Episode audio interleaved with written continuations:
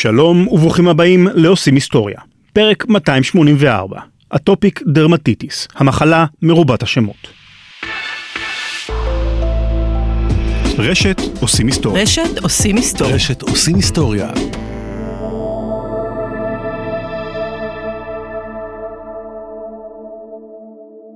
Tranquility Base here. The Eagle has landed.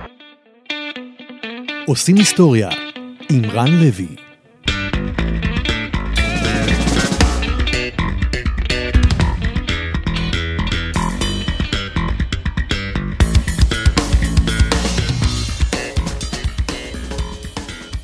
שלום. הפרק שתשמעו מיד הוא אחד מתוך שני פרקים שיצרתי במסגרת לעומק הרפואה, פודקאסט חדש שאנחנו מפיקים עבור חברת סנופי. אטופיק דרמטיטיס, המחלה שתעמוד במרכז הפרק שתשמעו מיד, היא אחת התעלומות המרתקות של עולם הרפואה. למרות כמעט 200 שנה של ידע רפואי מצטבר, הרופאים עדיין מתקשים להבין את הגורמים למחלה הזו, מחלה שממררת את חייהם של הלוקים בה. מה שעוד יותר מעניין ומטריד הוא שבשלושים השנים האחרונות חלה עלייה דרמטית בשכיחותה של האטופיק דרמטיטיס במדינות המפותחות. כחמישה אחוזים מהמבוגרים ועד שלושים אחוזים מהילדים לוקים בה. מספרים מדהימים בכל קנה מידה. אז מהי אטופיק דרמטיטיס ואיך היא קשורה למערכת החיסון שלנו? כל התשובות מיד.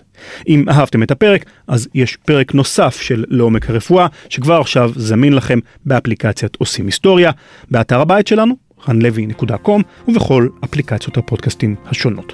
חפשו לעומק הרפואה. האזנה נעימה.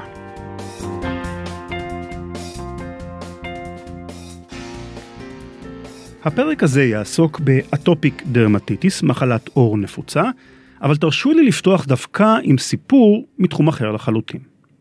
שמעתם על אגדת ביגפוט? סביר להניח שכן, אבל אם לא, ביגפוט הוא שמו של יצור מיתולוגי, מעין קוף אדם גדול, שעיר ומתוחכם, המתגורר ביערות הצפופים של צפון אמריקה. ולא רק בצפון אמריקה. אגדות על קופי אדם דמויי אנוש שכאלה נפוצות בארצות רבות ברחבי העולם, מטיבט שבמזרח ועד דרום אמריקה. לכל אחד מהעמים באזורים האלה יש שם משלו לביגפוט המקומי.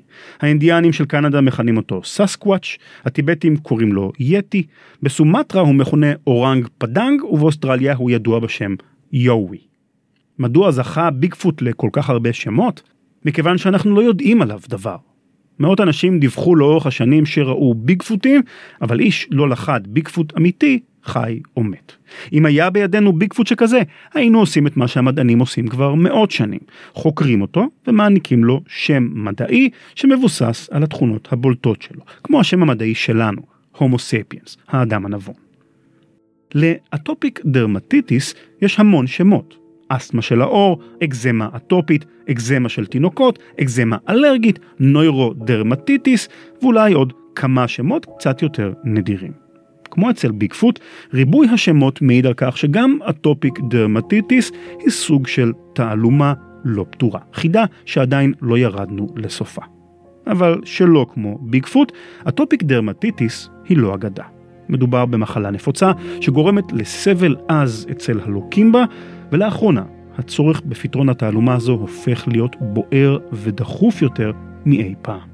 בעשרות השנים האחרונות חלה עלייה דרמטית במספר החולים באטופיק דרמטיטיס בעולם המערבי.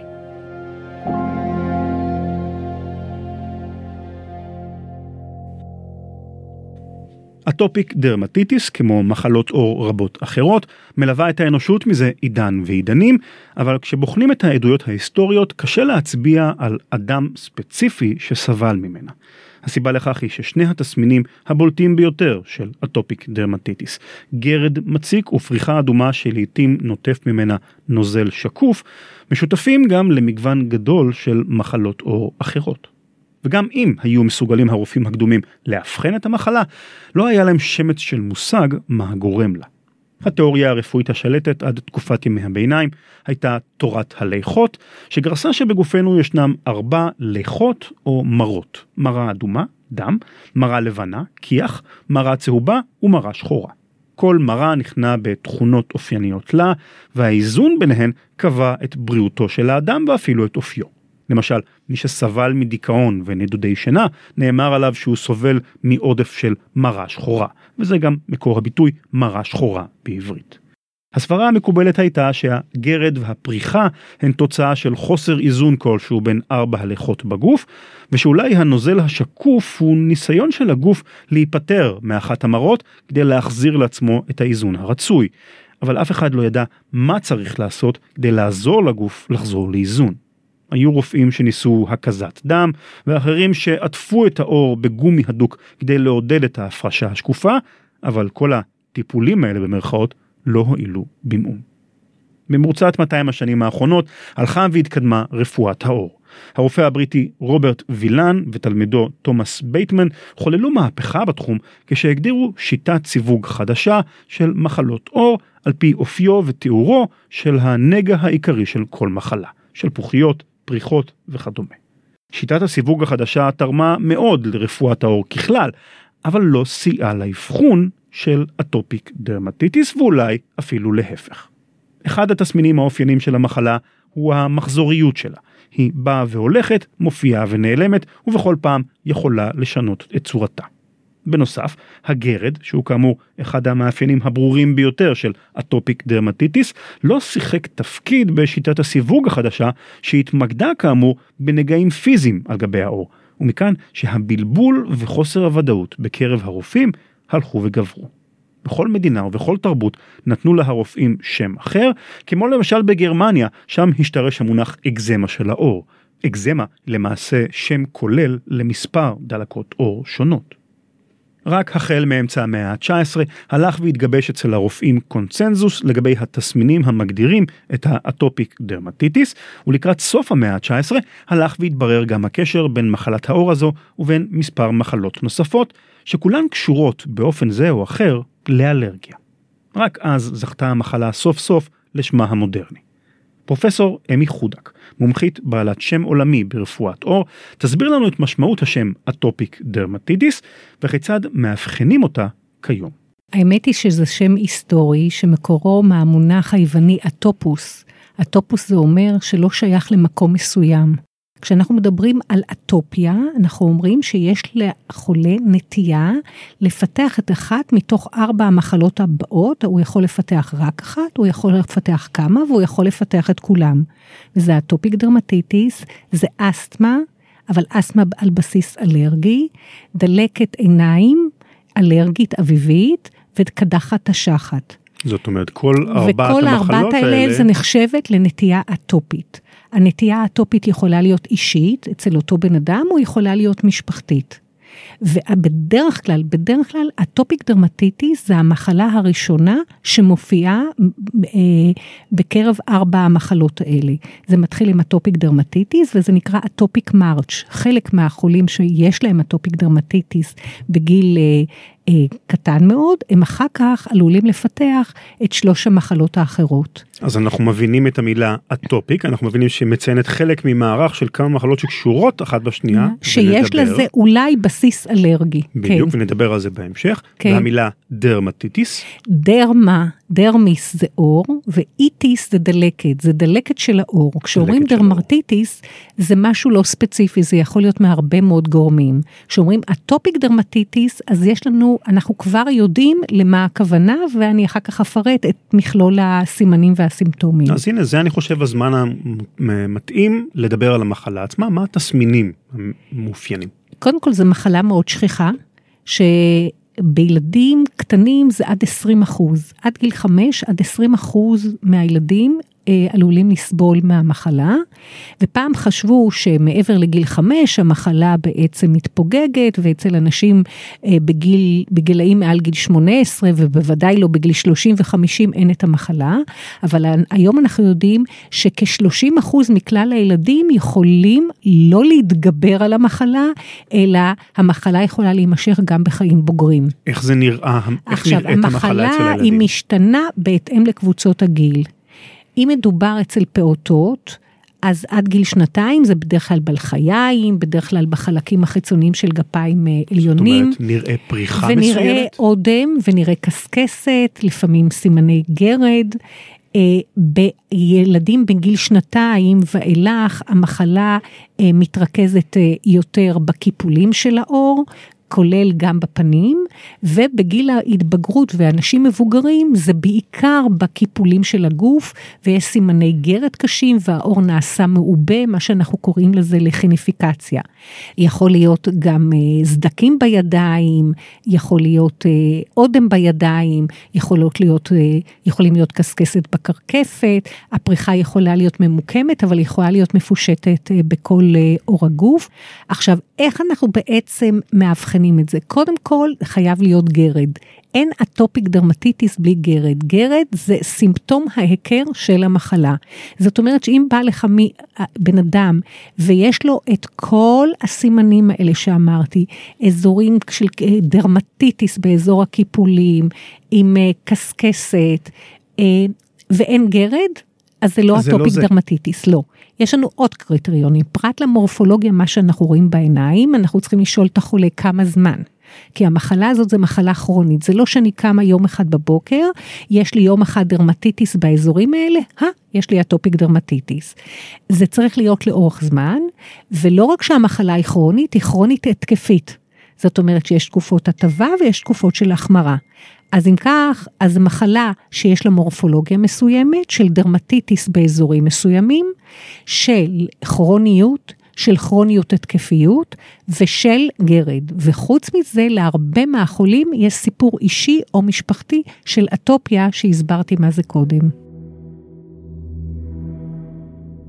חשוב לציין ש atopic dermatitis היא לא מחלה מסכנת חיים והיא לא מדבקת.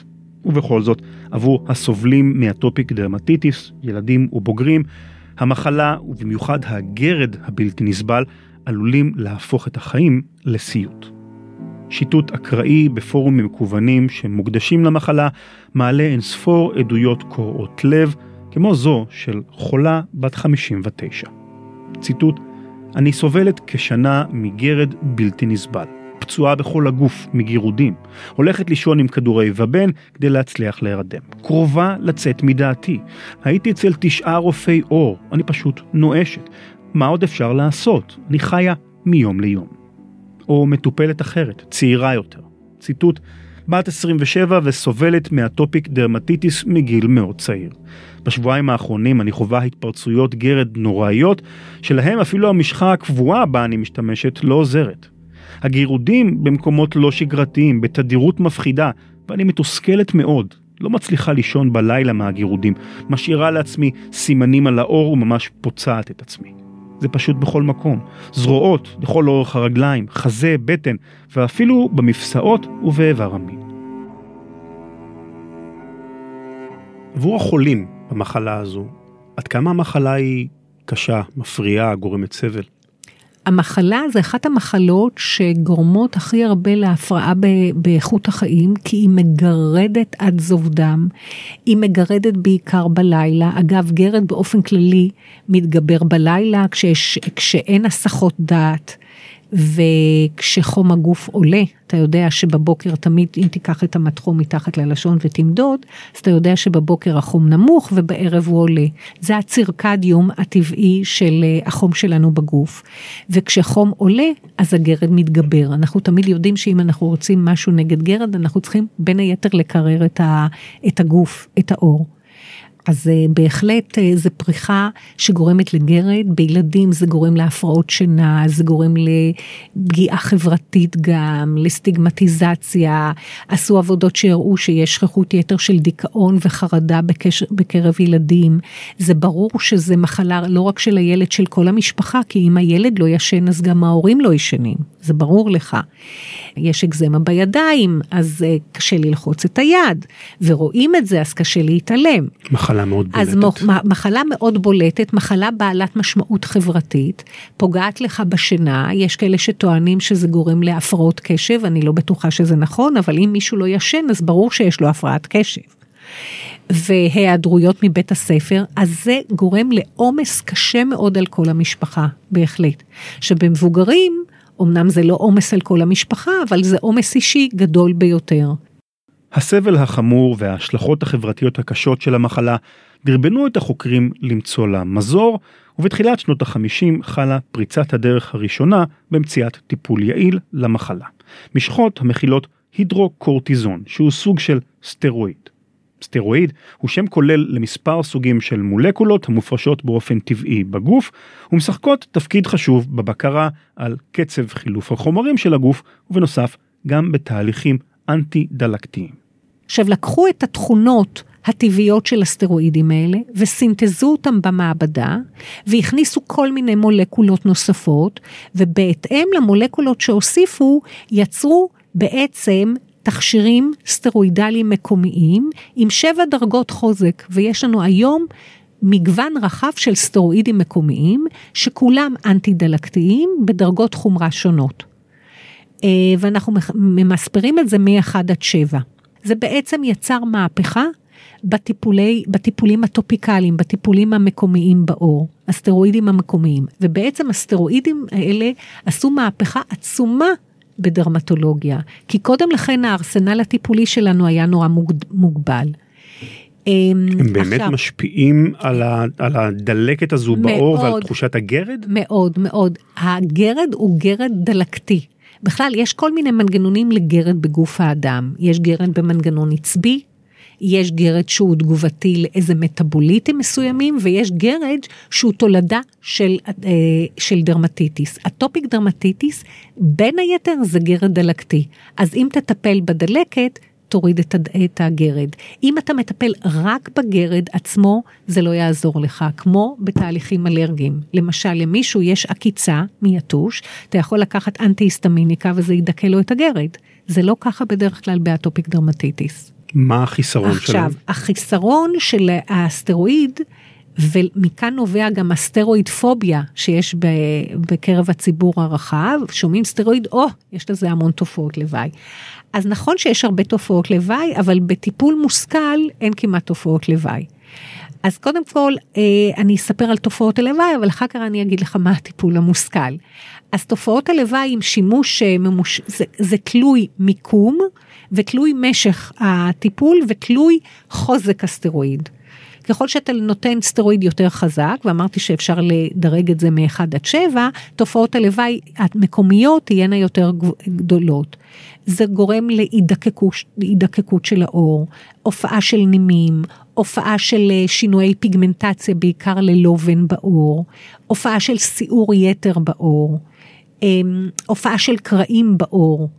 אה, ואם משתמשים בזה על שטחים מאוד גדולים לאורך זמן, זה נספג דרך האור, במיוחד בילדים שהאור שלהם מאוד דק, זה נספג ובעצם זה כאילו מתן סיסטמי של סטרואידים. זאת אומרת זה מתחיל להשפיע על, על כל, כל הגוף. הגוף. וההשפעה על כל הגוף זה מקפיץ לחץ דם, זה מקפיץ את הסוכר, זה בסופו של דבר יכול לעלות שכיחות יתר של אה, יתר לחץ תוך עיני, כמו מה שנקרא גלאוקומה, זה יכול לעשות ירוד, קטרקט, זה אה, אה, יכול להיות שינויי תסעורת, זה יכול, להיות שינו, אה, זה יכול לפגוע ב, גם ב circadian של ערנות ושינה וחוסר אה, שינה, זה יכול להחמיר אולקוס וזה יכול לגרום לאוסטאופרוזיס. בקיצור, יש לזה המון תופעות לוואי. אבל, אבל זה אם משתמשים לא לך, נכון. לא נכון, ובילדים זה יכול לעצור את הגדילה. כי סטרואידים בילדים פוגע בגדילה. אבל זה בשימוש לא נכון, אבל אם אתה משתמש בזה בצורה נכונה, בחוזק הנכון, במשך הזמן הנכון, בהתאם להוראות הרופא, אנחנו כמעט אף פעם לא רואים שום תופעות לוואי, ולהפך, זה טיפול מעולה לאטופיק דרמטיטיס. בשנים האחרונות נכנסו לשימוש סוג נוסף של תכשירים בשם calcineurin inhibitors, שגם הם מדכאים את התגובה הדלקתית, אבל אינם מבוססים על סטרואידים, ולכן אין להן את אותן תופעות לוואי. סביר להניח שנראה את התכשירים האלה נכנסים למיינסטרים של הטיפול המקומי ב atopic dermatitis לצידם של הסטרואידים הוותיקים. בנוסף, אחד הטיפולים המקובלים ב atopic dermatitis הוא פוטותרפיה. הקרנה של האזור הדלקתי בעור בקרינה אולטרה סגולה. הקרינה מדכאת את התגובה הדלקתית ומפחיתה את הגרד. ופרט לסטרואידים ולטיפולים שהזכרתי כעת, קיימים גם טיפולים סיסטמיים נוספים המתמקדים בדיכוי מערכת החיסון. אם כן, הסטרואידים הם תרופה טובה עבור אטופיק דרמטיטיס, ואם משתמשים בהם באופן מושכל וזהיר, הם יכולים לשפר את איכות חייהם של המטופלים במידה ניכרת. אבל כדי לרפא את המחלה ולפטור את החולים מאימתה של ה atopic dermatitis אחת ולתמיד, יש קודם כל להבין את הגורמים למחלה. וזה, מתברר, אתגר לא פשוט. מחלה שנקראת complex disease, זו מחלה שהיא לא נגרמת על ידי גורם אחד, זו מחלה שנגרמת על ידי מכלול גורמים.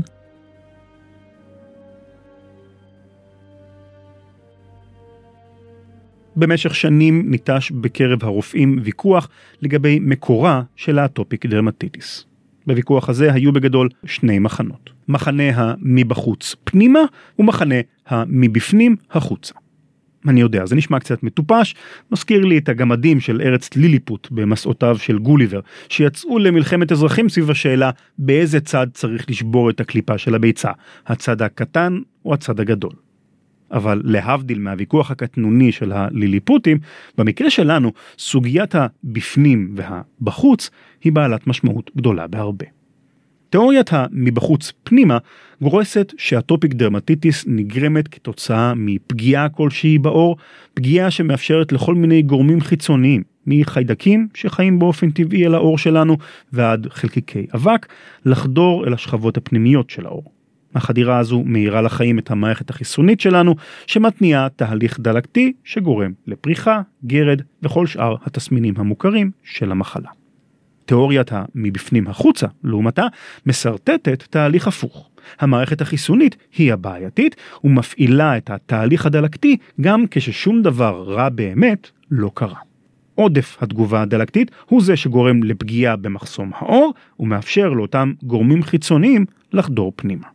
המאבק הזה היה בין התיאוריה של Outside Inside ו-Inside Outside. ה-Outside Inside זה אומר, יש לי בעיה במחסום, יש גורם חיצוני מחוץ לגוף, נכנס פנימה, מעורר את מערכת החיסונית.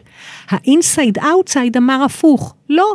אין בעיה במחסום, הבעיה במערכת החיסונית הפנימית, והיא מגיבה לא טוב למשהו למשהו שנמצא. היום אנחנו יודעים כמו הרבה דברים שהאמת היא באיזשהו מקום באמצע. ויש בעיה גם במחסום האפידרמלי, שהאפידרמיס זה החלק השטחי ביותר של האור, יש שם בעיה באמת, ויש בעיה במערכת החיסון. בנקודה נתונה אתה כבר לא יודע מי התחיל את התהליך. כי המחסום פגוע והתהליך הדלקתי תגוע. הדלקת פוגעת במחסום והמחסום פוגע בדלקת. וזה היזון חוזר שמעצים את עצמו.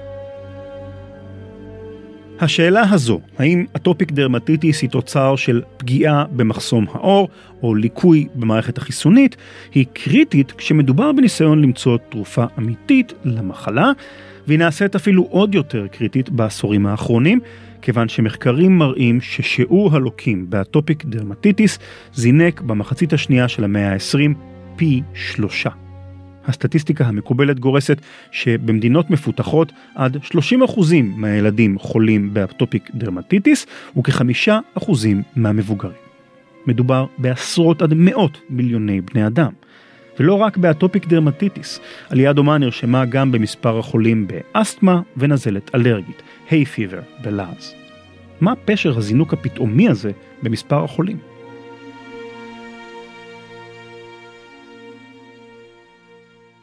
כדי להשיב על השאלה הזו, עלינו להכיר מעט טוב יותר את המנגנון הביולוגי ששומר עלינו מפני אינספור הגורמים שמנסים להרוג אותנו, מחיידקים ווירוסים, דרך מוטציות סרטניות ועד רעלנים מסוגים שונים. מערכת החיסון. המערכת החיסונית שלנו היא מנגנון מורכב ומתוחכם שהשתכלל במרוצת מיליארדי שנות אבולוציה, ולצרכינו אנו נתמקד בזרוע אחת שלה, תאי דם לבנים, ובמיוחד תת מחלקה שלהם המכונה תאי T מסייעים, T helper cells. אם נדמה את המערכת החיסונית שלנו לתזמורת מרובת כלים, תאי ה-T המסייעים הם שרביט המנצח שלה. כשתאים אחרים במערכת החיסון נתקלים בגורם עוין כלשהו, למשל וירוס או מולקולה רעילה, הם תולים אותה במרכאות על הדופן החיצונית שלהם ומציגים אותה לרעבה לשאר המערכת החיסונית. תאי T מסייעים שנתקלים בחלון הראווה הזה, מפרישים בתגובה שליחים הורמונליים שמאירים את המערכת החיסונית לחיים ומדרבנים אותה לפעול כנגד הפולש המאיים. במילים אחרות, תאי ה-T המסייעים לא נלחמים בעצמם באיומים, אבל הם חוליה קריטית בשרשרת ההפעלה של המערכת החיסונית. עדות לחשיבות הקריטית של התאים האלה אפשר למצוא בעובדה שמחלת האיידס המסוכנת נגרמת על ידי וירוס HIV שתוקף את אותם תאי T מסייעים. את תאי ה-T המסייעים אפשר לחלק לתת חלוקה נוספת TH1, TH2, TH17 וכן הלאה. במסגרת הדיון שלנו נתמקד בשני סוגים ספציפיים TH1 ו-TH2. אנחנו מתמקדים בשני הסוגים הספציפיים האלה כיוון שהם נמצאים במוקד השערה שהעלה בשנת 1989 פרופסור דיוויד סטארצ'ן, מומחה בריטי לאפידמיולוגיה, השערה שעשויה לפתור את חידת העלייה בשכיחותן של אטופיק דרמטיטיס, אסתמה ונזלת אלרגית. שמה של ההשערה שניסח פרופסור סטארצ'ן הוא תיאוריית ההיגיינה. התיאוריה ההיגיינית אומרת שבעצם כשאנחנו תינוקות או פעוטות, אנחנו מפתחים את המערכת החיסון שלנו. למערכת החיסון יש שתי זרועות. יש זרוע שנקראת TH1 וזרוע שנקראת TH2.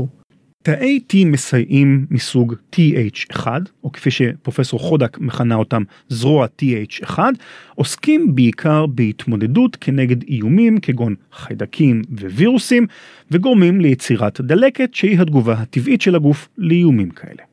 תאים מסוג TH2 עושים שתי פעולות במקביל.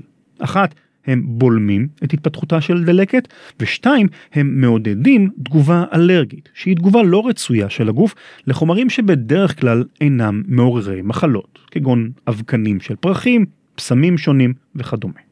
התיאוריה אומרת שאם אתה טעות או תינוק, כדאי לך לא להיות בסביבה סטרילית, אלא בסביבה רגילה שיש הרבה מזהמים ויש הרבה לכלוך, ואז אתה מאמן ומפתח את הזרוע שהיא TH1, ואם אתה מפתח את ה-TH1, אתה לא מפתח את ה-TH2. לעומת זה, אם תהיה בסביבה מאוד סטרילית, מאוד מגוננת, הזרוע של ה-TH1 שלך לא, טיפ, לא תתפתח, ולעומת זה, הזרוע של TH2 תתפתח. ו-TH2 זה תגובות לא תקינות לחומרים שנמצאים בסביבה. במילים אחרות, כשתינוק גדל בסביבה היגיינית שאין בה הרבה חיידקים, וירוסים וטפילים, הוא כמו ספורטאי על שמתאמן מול קבוצה של ילדי גן. בהיעדר יריב ראוי, הספורטאי לא יוכל לפתח ולשפר את היכולות הספורטיביות שלו. במקום זאת, יכול להיות שהוא ישפר את היכולות שלו במשחק הכיסאות או בטיפוף בתוף מרים. ללא יריב ראוי, גם הזרוע TH1 של המערכת החיסונית מתנוונת, ובמקומה מתפתחת זרוע ה-TH2, שאחראית לתגובות אלרגיות. זו הסיבה אולי לעלייה הדרמטית במחלות שיש להם קשר או רקע אלרגי. המחלות שאנחנו מכנים אותן בשם הקבוצתי מחלות אטופיות. לכן באמת התיאוריה הזאת אומרת שילד שהוא נולד ויש נטייה אטופית במשפחה, אז מאוד כדאי לא לשמור על הסטריליות שלו, כי אז הוא יפתח יותר את ה-TH2. אנחנו לא יודעים שזה נגרם בגלל מזון X או קרדית אבק הבית, לא. אבל אנחנו יודעים שלחולים האלה יש שכיחות יתר של רגישויות למזון ולקרדית אבק הבית, שהתבטא בצורה אחרת. אנחנו יודעים לא, שיש קשר, לא יודעים להגדיר אותו. אבל זה לא גורם לאטופיק דרמטיטיס, להפך, חושבים שקודם מתחיל אטופיק דרמטיטיס, בגלל שיש פגיעה במחסום של העור, אז יש חדירה יותר של קרדית אבק הבית, ו- ולכן מתפתחת האלרגיה. ממ. זה לא שהאלרגיה מוביל, האלרגיה מובילה לאטופיק דרמטיטיס, אלא האטופיק דרמטיטיס מובילה לאלרגיה. עד כמה התיאוריה, אה, זה עד כמה, זהו, היפותזת הניקיון, כן, עד כמה היא. נחשבת מיינסטרים או שנויה במחלוקת? אני לא כל כך, זה לא כל כך התחום שלי, אני מוכרחה להגיד לך, ואני לא אלרגולוגית, זה תיאוריה, אם זה הוכח סופית, אני לא חושבת. אני לא חושבת.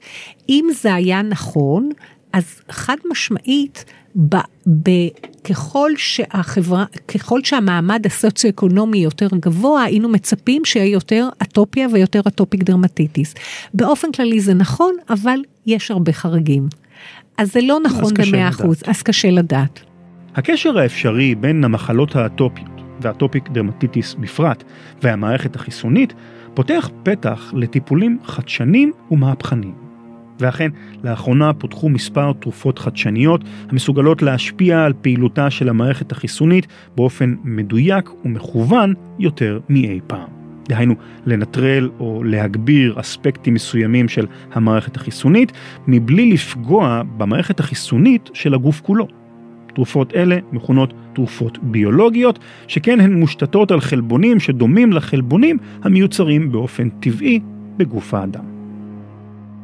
פרופסור אמי חודק. ופעם ראשונה לפני כשנתיים אה, נכנס לשוק האמריקאי ומהר מאוד לשוק הישראלי תכשיר חדש שהוא בעצם אה, הסנונית שמבשרת את הבו, ה- האביב האימונוביולוגי של אה, אימונוביולוג שהוא מה שהוא עושה הוא מדכא ספציפית את TH2. זאת אומרת, הוא לא, הוא לא פוגע גם ב-TH1 וגם ב-TH2 ובכל מכלול המערכת החיסון, אלא רק ב-TH2. וזה פריצת דרך מאוד טובה, וזה נכנס לסל, זה בסל למבוגרים מעל גיל 18, ועכשיו באוגוסט אה, 2018 זה אושר על ידי ה-FDA לנערים ונערות מגיל 12, ואנחנו מקווים שגם בארץ זה יאושר אה, לגיל 12 והלאה וזה ייכנס לסל הבריאות. נכון להיום, התכשיר אליו מתייחסת פרופסור חודק נמצא בסל רק עבור אנשים אשר מופע האטופיק דרמטיטיס אצלם הוא בדרגת חומרה בינונית עד קשה. אבל בכל שנה שחולפת מופיעים עוד ועוד טיפולים חדשים. פרט לטיפול האימונוביולוגי הזה, יש עכשיו רצים אה, מחקרים בעולם המערבי על טיפולים אימונוביולוגיים אחרים, שרובם באמת קשורים בזרוע של ה-TH2. ויש גם היום, למשל בארץ, אה, רצות, אה, רצים מספר מחקרים קליניים על מה שנקרא JAK inhibitor, זה איזה מולקולות קטנות שהן מווסתות באופן כללי את, את השרשרת הדלקתית, לא רק באטופיק דרמטיטיס, בהרבה מאוד מחלות אחרות, וכל JAK יש לו, אה, הוא, יש לו ייחודיות לשביל אחר שאופייני יותר למחלה זו או אחרת. ובכלל אנחנו נמצאים לא בסיפה, אנחנו נמצאים באמת בעיצומה של אה, מהפכה. בדרמטולוגיה בכלל, אנחנו קוראים לזה The Inflammatory Revolution, זה מהפכה בכל המחלות הדלקתיות של העור, כי פתאום יש לנו המון אימונוביולוגים וג'אק אינהיביטורס ועוד מולקולות אחרות לת... למחלות דלקתיות שעד היום לא היה לנו הרבה. ממש בשורה בשורה, גדולה. היום יש לנו שישה בשוק, שישה תכשירים ביולוגיים נגד אה, פסוריאזיס. ואטופיק דרמטיטיס הייתה שממה. שממה עד לפני שנתיים שלוש, והנה לפני שנתיים הייתה פריצת הדרך הראשונה, וכבר אנחנו ב, ב, באמת בשטף של clinical trials, שפותחים את הדרך לא רק לאטופיק דרמטיטיס, אלא למחלות אחרות כמו alopecia areata, כמו למשל אה, קרחת סגלגלה. כמו ויטיליגו, אתה יודע מה זה ויטיליגו? לשמחתי לא. זה, זה המחלה הזאת בעור שיש עיבוד של הפיגמנט, יש כתמים כתמים לבנים כמו, כמו, כמו גיר, לבן כמו גיר. אז יש הרבה מחלות דלקתיות שלא היה להן מענה, ותודות לאטופיק דרמטיטיס היום זה פותח לנו אופק לטיפול בשלל מחלות דלקתיות. לאושר החדש הזה של טיפולים יש קשר גם ל, אה, בעצם לתשומת לב שמקבלת המחלה הזאת בשנים כן, האחרונות? כן, בהחלט, אתה נגעת בנקודה נכונה. אה, יש הרבה דוגמאות ואני לא רוצה להיכנס לכאן, אבל יש דוגמאות למחלות שפתאום אה, זוכות לחשיפה ופתאום האפידמיולוגיה משתנה. אם קודם לכן חשבנו שהן לא נורא שכיחות, פתאום זה נעשה נורא שכיח. זה לא שהשכיחות האמיתית השתנתה תוך חמש שנים, זה לא הגיוני. זה פשוט המודעות עלתה, הערנות הקלינית עלתה, האבחון עלה, ולכן השכיחות עלתה. ולמה זה קורה? כי ברגע שיש תרופה, אז אתה מחפש את החולה. תרופה מחפשת חולה, רופא מחפש את החולה שמתאים לתרופה, ואז לפתע מספר החולים שחולים במחלה X הולך ועולה. זה בדיוק מה שקרה לאטופיק דרמטיטיס של מבוגרים. אני למדתי שאין כמעט אטופיק דרמטיטיס במבוגרים כשהייתי מתמחה. ועד לפני כמה שנים, אז היינו אומרים שזה אקזמה, לא היינו קוראים לזה אטופיק דרמטיטיס, כי גם לא היה לנו הרבה מה להציע. מעניין. אה, אפרופו, זה בין, הפסיכ... זה בין פסיכולוגיה לרפואה. כן. אגב, שכיחות זה עניין, שכיחות של מחלה זה גם עניין של טרמינולוגיה, ואני למדתי, למשל שאטופיק דרמטיטיס נורא נדירה בסין. אתה יודע למה היא נורא נדירה בסין? כי הם לא קוראים לזה אטופיק דרמטיטיס. למה? כי הם לא רוצים סטיגמטיזציה. אז ברגע שאתה קורא לאותה מחלה בשם אחר, אז היא לא קיימת. וזה גם, זה, הטרמינולוגיה, חיים ומוות ביד הלשון, באמת. לסיכום, אטופיק דרמטיטיס היא כנראה אחת המחלות המורכבות והמאתגרות ביותר בעולם הרפואה. גם היום אין לנו בדיקת מעבדה פשוטה וקלה שיכולה לאבחן את המחלה, ואנחנו גם לא יודעים לומר בוודאות כיצד משפיע כל אחד ממגוון הגורמים הקשורים בה, מגנטיקה ועד היגיינה. ובכל זאת, המחקר הרפואי מביא עמו כמה בשורות חשובות שעשויות לחולל מהפכה של ממש בחייהם של החולים באטופיק דרמטיטיס. אז בוא ניתן מבט על, ככה לקראת סיום. מה אנחנו עדיין לא כל כך מבינים? אנחנו לא מבינים, אז לא נכנסתי לזה. למשל בגנטיקה. אנחנו יודעים ש-30% מחולי אטופיק דרמטיטיס יש להם, יש להם איזושהי מוטציה בחלבון שנקרא פילגרין, שהוא חלק מהמחסום, שהוא שומר על המחסום של העור, והוא אה, נמצא בחלק העליון של האפידרמיס שהיא שכבת העליונה של העור, והוא פגוע באטופיק דרמטיטיס בחלק מהחולים, אבל אחד, לא בכולם, ואין קשר בין המוטציה לבין אחר כך המהלך של המחלה, כי אותם חולים שיש להם את המוטציה, הם אחר כך יכולים להשתחרר מהמחלה בגיל המבוגר. אז מה בדיוק התפקיד של המוטציה הזאת לא ידוע. אז אם אני שואל את עצמי מה עדיין השאלות שלא נפתרו, א', מה, מה התפקיד של הגנטיקה? אה, אה, באמת, אה, איזה חלבונים פגועים? האם הזרוע החיסונית היא רק זרוע אחת שהיא פועלת ביתר, או שיש זרועות אחרים שאנחנו עוד לא גילינו? מה, מה יחסי הגומלין המיוחדים, הספציפיים, בין המערכת החיסונית לבין המחסום? אמ, והאם אפשר למנוע את ההופעה של הטופיק דרמטיטיס באמת באופן מלא? אז כל אלה עדיין אה, שאלות לגמרי פתוחות. אה, ולחוקרים יש עדיין הרבה מאוד עבודה, ואני מכירה הרבה, כמה חוקרים שהם אה, ידיהם מלאות ויהיו מלאות עוד להרבה מאוד שנים. כמו הרבה מחלות שהן מחלות אה, מורכבות.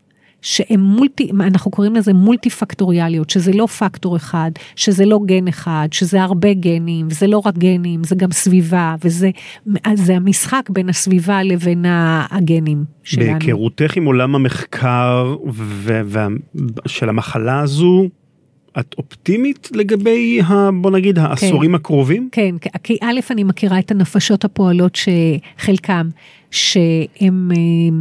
אה, עוסקות במחקר והם אנשים מאוד מוכשרים.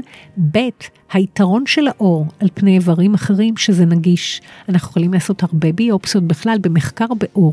אנחנו כל הזמן לוקחים ביופסיות. אתה מבין איזה יתרון יש לנו על פני מחלות כבד ומחלות לב ומחלות כליה, זה נגיש.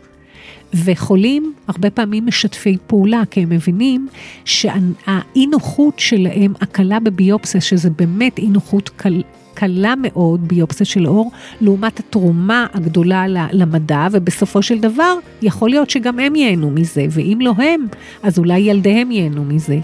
אז המחקר באור הוא מלהיב כי הוא החומר הביולוגי נגיש. והיום עם כל הטכניקות המולקולריות החדשות, אה, אני חושבת באמת השמיים הם, הם הגבול.